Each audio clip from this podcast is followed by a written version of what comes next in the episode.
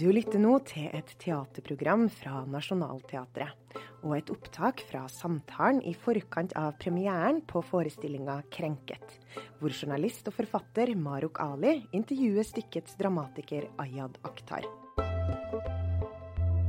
Billetter og mer informasjon om forestillinger og arrangementer finner du på nasjonalteatret.no. God fornøyelse.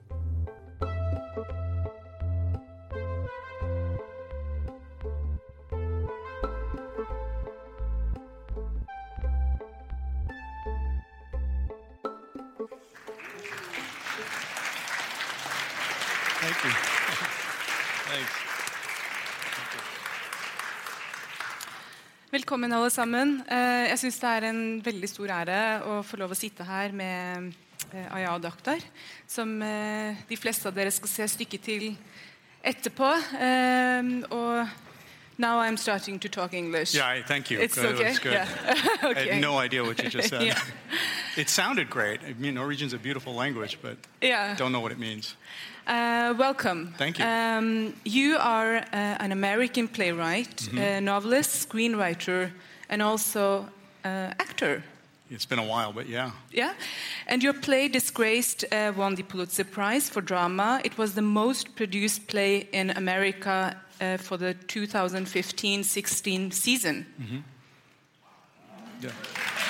Thank you. Thank you. And I feel we are extremely lucky to have you here in Norway, and uh, I'm very lucky the- to be here. And your play is now going to uh, have uh, premiere um, just after the talk. Um, I would start off by um, asking you to bring us back to uh, the idea of Yeah. disgraced. You know, it's a, it's a question I get a lot, and it's a hard question to answer in a way because as an artist, of course, I have ideas and why I think I'm writing some, but I have so many ideas that I, I don't always write them. And an idea has to take on its own life. Yeah. It has to become alive, almost like a person. And then you follow it, or it beckons you, and then you begin to interact with it.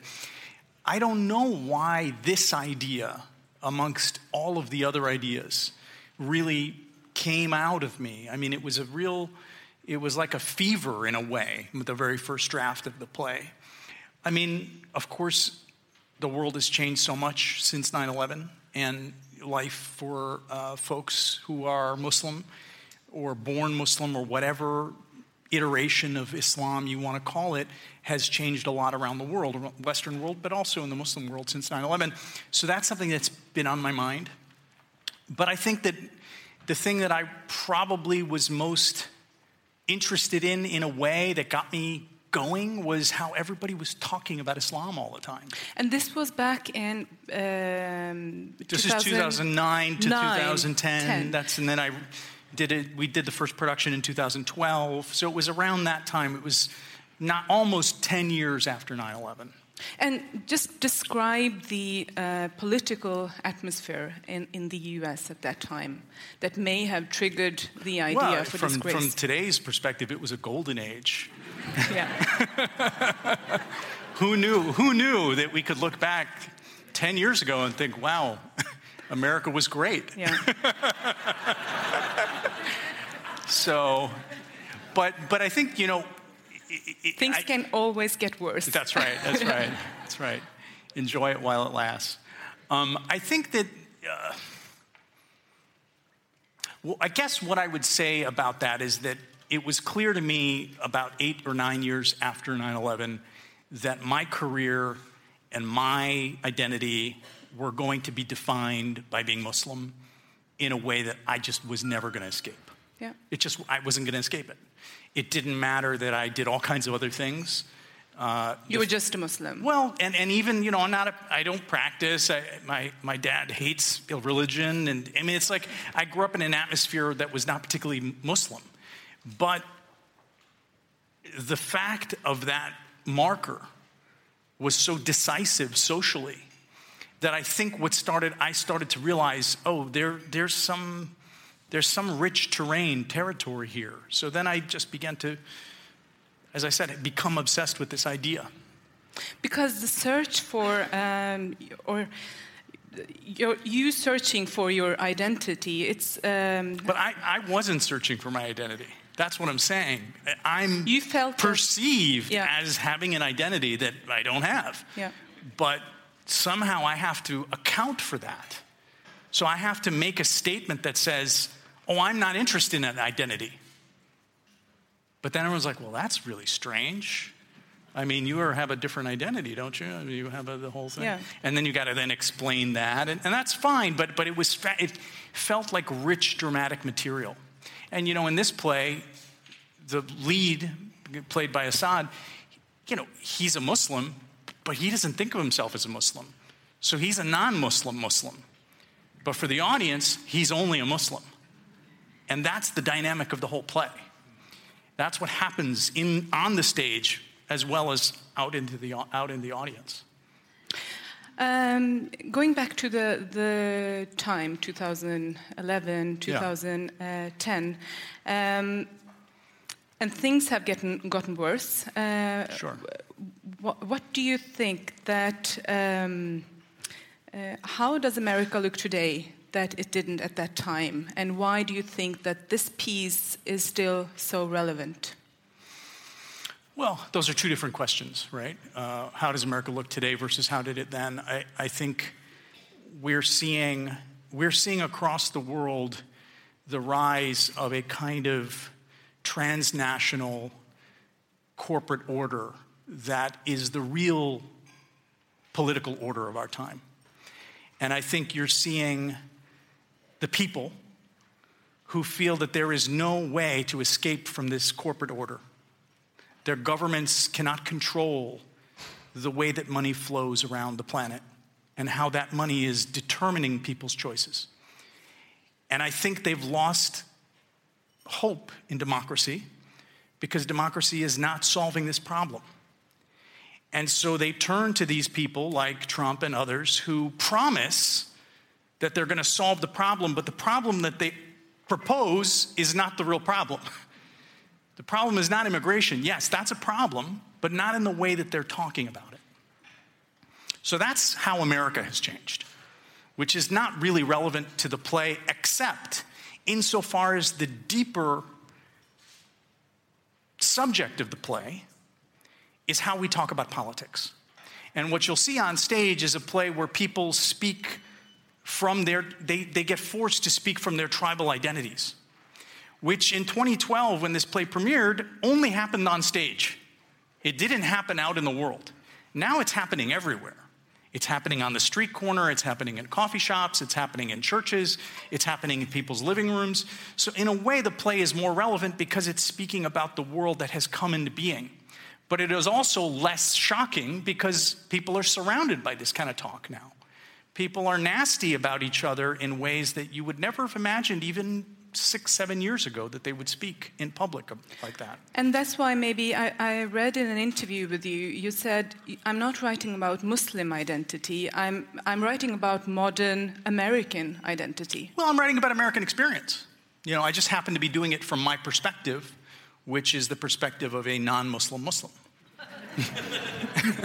because you're not a Muslim. Well, I'm not not a Muslim. You know, do I believe that Muhammad received the Word of God and that that Word of God is unchanging and that it represents some perfect moment in human history where God spoke to a man? No, I don't believe that. I also don't believe in all of the other stuff either, whether it's Jesus or Moses or any of that stuff. I think they're great stories, and I think they're stories that can inspire the good in us. They also, people tend to want to kill each other because of these stories too, and that's interesting, at least from a dramatic point of view. So I'm not Muslim to Muslims. They wouldn't say I was a Muslim. You know, they would say, oh, he's not a Muslim. But of course, to everybody else, I am. And uh, it must be quite irritating to, uh, for you no, to get fine. this question for me no, because okay. I, am also very annoyed when I get this question. And I also think that, you know, religion is, um, in a universal perspective, it's quite something quite personal. Uh, I mean, you don't go around asking, uh, are you a Christian? How deep Christian are you? Do you believe in this and, and that? But I think Right. it has become some sort of human right to uh, ask people Well, with peop- a Muslim uh, identity Well, what they're background. asking, what they're asking is, are you an enemy or are you a friend? Yeah. And then you are identified and you're put in, in a box. As friend or enemy? Yeah. Right. That's right. And so the piece uh, disgraced. Um, are you trying to communicate this type, uh, the aggression that might lay in in a Muslim community? Uh, no, I, I think I'm just trying to tell a really good story, Yeah, and I'm trying to tell a really good story about all of this. yeah. But I don't have a point. So um, it's not like you have a conclusion. I have no conclusion, but I hope that you will feel satisfied even if you're upset at the end of the play. Yeah, because that was the question I had. That as an artist, I mean, I meet different type of people, and some writers they tell me that you know I get this idea, uh, and I jump to a conclusion, and then I write this piece because I'm going to reach that conclusion. But then I have other peop- uh, other people that say, well, I just got an idea, and I, I'm not. I don't know where it's going to take me. I'm, I don't really know what I'm saying, uh, but it's just this huge piece. Right. Well, I it. I think that it's like a journey. When you're on a journey and you don't really know where you're going, it's more exciting. Then, when the journey is over, you can look back and say, well, these are the things that I did, and these are the places that I saw. And so, that balance as a writer is important because when I'm first writing it, it's important that I not know too much. But when I'm done, I have to have some idea of where I've been in order to be able to shape it better for the audience. Hmm. So, there is both predictability and unpredictability built into the process. And um, I'm not going to reveal too much of the play, but Okay. it's uh, the setting is a dinner. Uh, yeah, the third scene of the play, the longest scene, is a dinner party. Yeah. Why did you choose that setting? I didn't really choose it, but but uh, it, it sort of happened by by itself. And then after I wrote the scene, I realized that there had been a dinner party at my house, uh, which was not too dissimilar from. No, I mean there was no violence in, in, my house, but but sort of the underlying dynamics were were already in place. So, I and I also you know I didn't write a play until much later in my writing career. I, I wrote a lot of screenplays and, and novels and stuff, you know, um, but didn't write a play. I always knew I was going to write a play since I was in my 20s. I knew I would write a play, and I always knew there would be a dinner table in it. Right? I just What's so appealing I about don't the know. dinner table? I don't know. I would look at that. I would, in my mind, I would see this table. I thought, oh God, there's going to be a great play, and it's going to happen on this table. And, and it wasn't until like 12 years later that I wrote. So it's, you know, again, you don't always understand what the what the inspirations are. Can we see um, you in this piece, or are you just telling a good story? Sure. No, I mean, I, I can't tell a good story without revealing aspects of myself or using things from my life. I have to use my life, otherwise, it doesn't feel real to me. And if it doesn't feel real to me, it's not going to feel real to an audience. So how personal is it? Uh, It is very personal, but it's not just a mirror. I mean, I'm in different ways all of those characters. You know, I used to say when I was pre Soon-Yi, before he was married to Soon-Yi, I used to say that Woody Allen was my, one of my favorite artists. And there is a there is a character in this play who's a Jewish American curator who's got a lot of jokes. Some of them are inspired by Woody Allen. And you know what? That's probably me writing myself into the role of a Jewish American curator who is trying to be like Woody Allen. So I'm also in that character, even though nobody would necessarily see that. They would think, oh, he's must be the other one. But no, I'm, I'm, every, I'm everywhere. Yeah. That's um, I should learn that how to be everywhere. I think you're doing fine. yeah. Uh, you said that you, you knew that this was going to be a play. Uh, I mean, you, you do write books as well, and, and you just told me I'm not. I don't know if I'm revealing Yeah, too no, much, no, but fine. I you just just, told me book, that yeah. actually you're finishing a book now, Yeah. and you have like your last ten days of editing it. So you're personally in a quite uh, intense phase yourself. But how did you know that this was going to be disgraced was a play, not a book? You know, I think a novel. Right, right, right, totally. I think that each of the forms, because I also write for the movies, they're all so different. And, you know, the way that I like to think of it, or the way that I tend to think of it, is that when you're writing a novel, you can speak to the reader and you can describe the interior space of the book. You can whisper into their ear and you can be rich in your descriptions of what you're saying about what's happening. When you're writing a movie, the big screen and the closeness of the faces and close up, you can the audience can feel very close to the story, but they don't get that voice whispering inside them, but there's still an interiority. In the theater, there's no interiority. The audience is there, the actors are there. It's pure exteriority. They are watching. And then they, if it's good, they throw themselves inside the situation and they start to imagine what they think is happening in there. And that, each of those stories, each of those modalities is good for different things. And I think that one of the things that the theater is very good for is ideas. Ideas can live on the, in the theater because, in a way, the audience has enough distance they're not have, they don't have a narrator who's trying to manipulate them by telling them ideas in the story. And film doesn't have enough language in it that's verbal language to carry ideas. But the theater, for some reason, because language lives differently in the present space between the actor and the audience, ideas can live in a different way. And I always knew that this play was going to be, in, in a way, was going to be about a debate of ideas. I think you work all the time. What do you mean? I mean, you write plays, you write novels, you do theater, yeah, uh, you're an fun. actor. I have fun. Uh, what is your, like, how would I put it? I mean, what is your uh, driving force? Uh, what drives you? I had a high school teacher. What is it that you want? Yeah. yeah. It's a good question. That's, nobody's ever asked me that in public. um, I had a high school teacher who changed my life. She was a literature teacher, and she made me fall in love with literature because she made me see the way she would talk about it, the way she would make us students think about it, that being immersed in literature was like being absorbed into a higher order of being. That we were thinking higher thoughts and summoning higher parts of ourselves to understand bigger perspectives. And I was 15 when I had her, and she completely made me fall in love with storytelling and literature in a way that I have never fallen out of love with it. It's been the great gift of my life that I've never questioned for a moment what I would do, even though I had so much difficulty. It took me a very long time to even be able to make a, a, a solid living doing this. I mean, my parents were like, What is wrong with this kid? He doesn't, he was so smart, and what is happening to him? You know, but I never questioned that because I was so deeply in love with that. I, I found my, my calling, I guess. So that's what I want.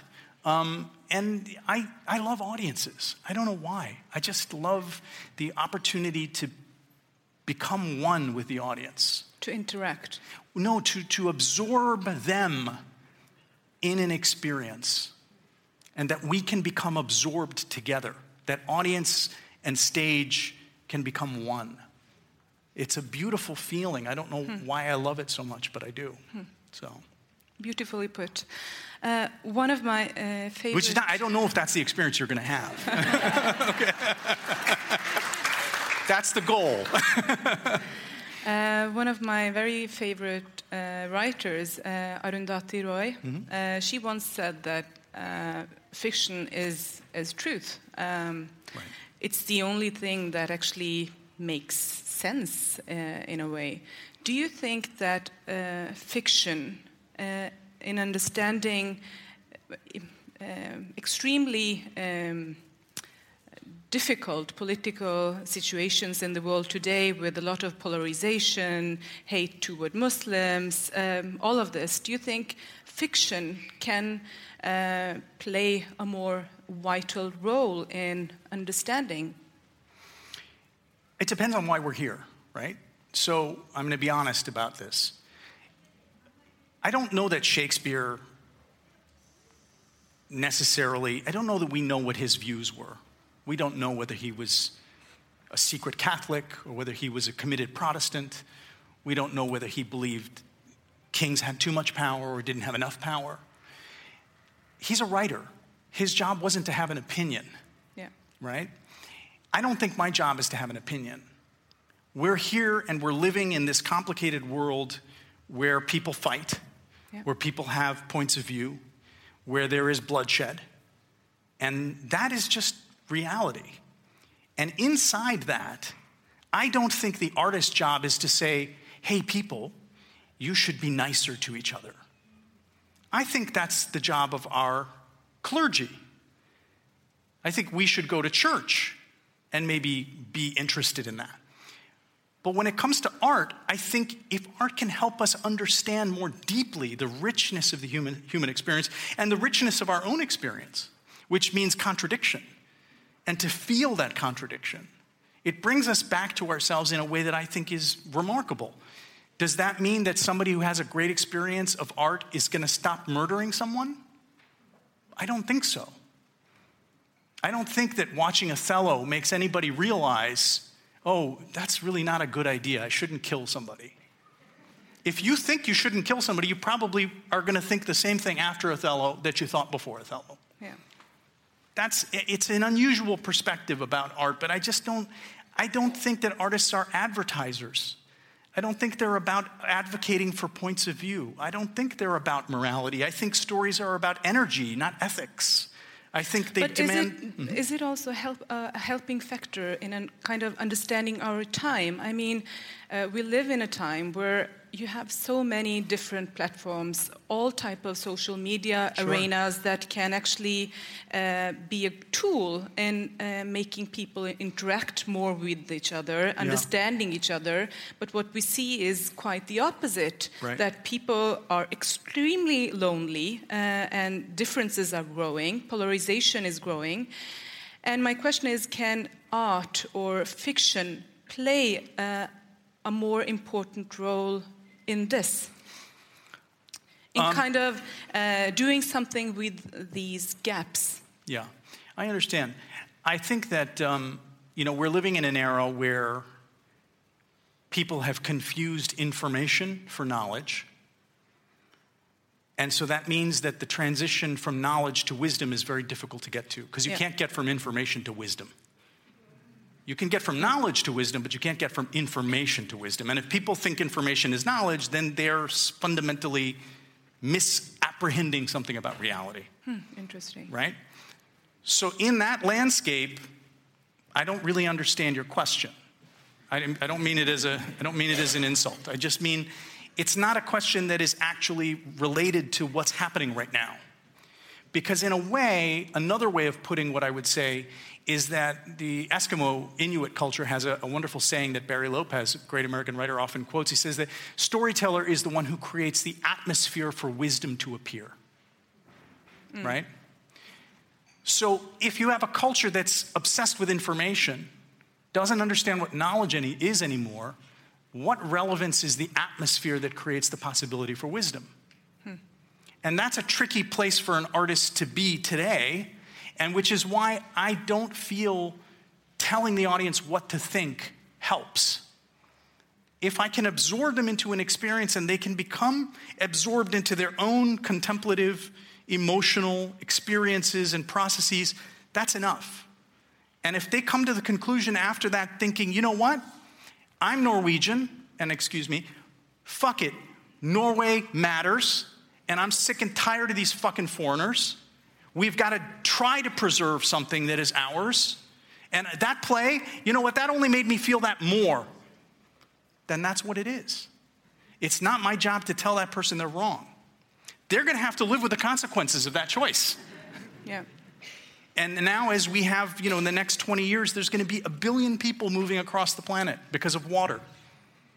So, what happened in Syria was a trial run, and it was kindergarten compared to what's going to come and it is going to obliterate the nation state.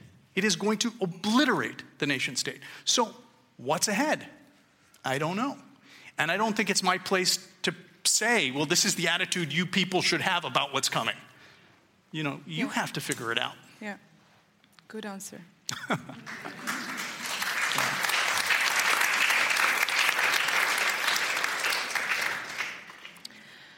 um, before you came to Norway, you told me you have been to Norway before uh, as well. But um, for someone from America uh, or the US, you have some sort of pictures of how Norway is, how Oslo is, and, and it seems like very peaceful. Fish, and fish, oil. and nice, and but you told me you're just working 12 hours every day you're Yeah, here. So, yeah. uh, but there is something outside the window, Sure. and you have a picture picture Yeah, of it.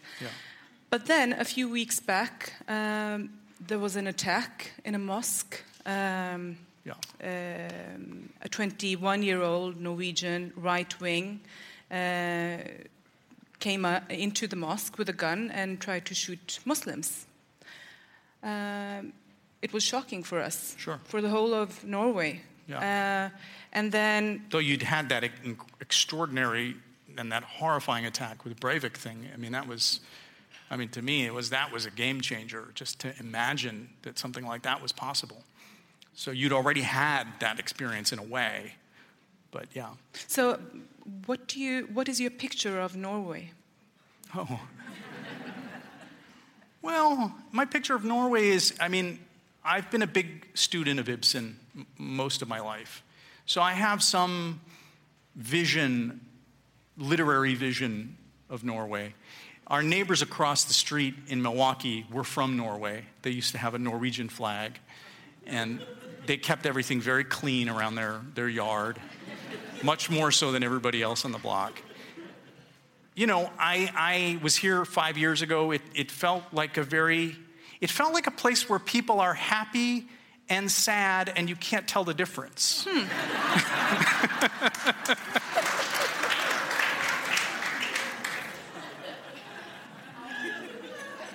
and uh, I, it was, it was both shocking and not shocking that there was that kind of violence perpetrated toward outsiders. You know, one has the idea, at least in the United States, that the Scandinavian countries are, are peaceful, Yeah. right? Yeah. And then you have these eruptions of violence that happen sometimes, and you've had, had a bit of it in Sweden too. And, Yeah. And you just sort of think, okay, there's some tensions that the homogeneity, that the stability of the society is predicated on a certain kind of sameness Yeah. which is fine. That's what it is, right? And then the disruption of that sameness is a particularly shocking experience for that group of people. And then there are these eruptions. So that was that was my thought. I didn't think Norwegians were worse than anybody else. Maybe a little bit better in some ways. Who knows? Not so expressive, Yeah. as you put it. And yet, the, this, this, those still waters run deep, as you see in Ibsen. You know, they're, the, those plays are so deep. I think he's the greatest dramatist in Shakespeare. Hmm. You know, so no, that's, I'm, I don't think I'm alone in thinking that. Yeah, but thank you.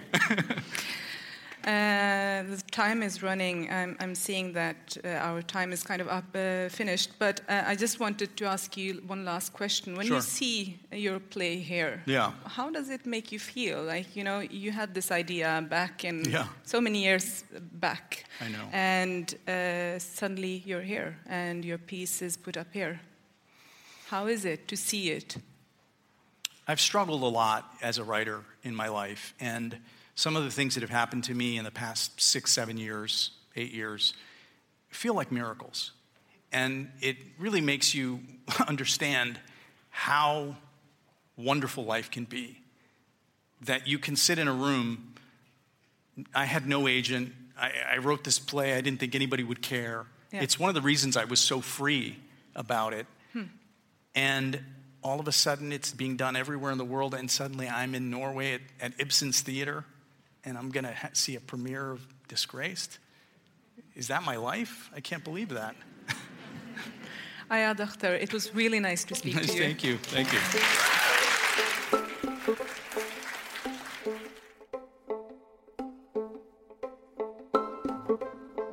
Takk for at du hørte på et teaterprogram fra Nationaltheatret. Musikken du hører nå, er komponert av Olav Våstad og Gaute Tønder. Husk at du kan følge Nationaltheatret på både Facebook, Instagram og YouTube. Vi håper å se deg i salen. Velkommen i teatret.